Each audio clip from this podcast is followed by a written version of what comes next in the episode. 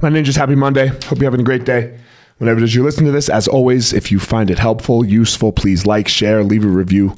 All that stuff really helps, uh, you know, me and the algorithm. Uh, man, hard lesson that uh, had, was nice to see pay off recently. Um, tough for me. I, th- I, think I talked about it. I can't remember. Uh, a couple months ago, Canaan, and I'm not going to get into the story of that because, like I said, I think I talked about it. Canaan messed up, and my wife and I had to messed up on the basketball court. Okay. He was taking basketball for granted. And my wife and I had to pull basketball, his love, his passion, what he really wants to do.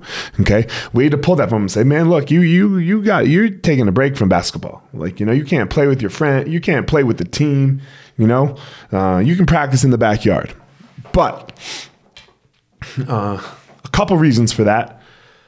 But what was what was the real lesson that we were trying to teach here with, with this basketball taking away?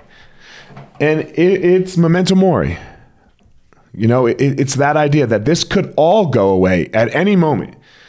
Now, I don't want to go into the that aspect of his life, for example. You know, he's only 13 years old. Um, he doesn't need to get that deep yet. You know, he needs, you know, he's he's a child. But sports, sports can always be taken.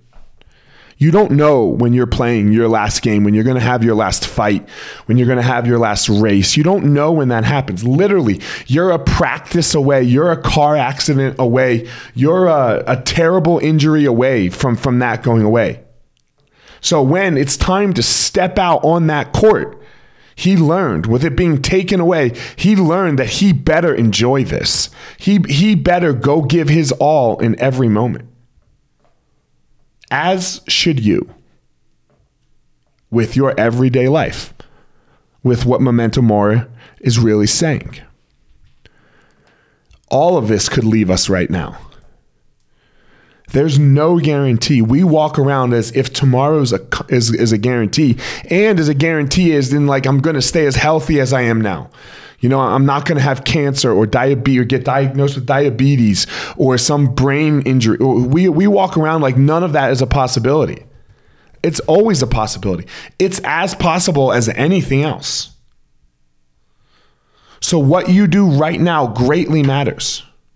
What you do in your everyday greatly matters. And let me tell you what's not going to matter then. It's not going to matter how rich you are. The only way it's going to matter how rich you are is if you need money to take care of yourself. That's the only way your money will matter. Did you enjoy today?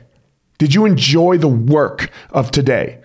Did you enjoy the grind of today? Did you enjoy your family today? Did you enjoy the meal you ate today? Were you thankful and grateful for all of that?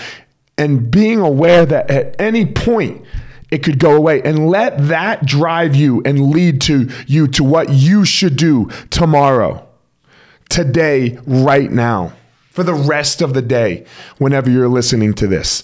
Let that idea that somebody like, uh, you know, the, the avatar of Elliot might come if you are Canaan and take away your basketball and say, you can't.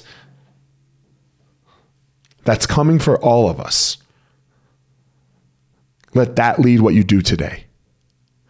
Discover your passion, find your power, go give your purpose to the world, my ninjas.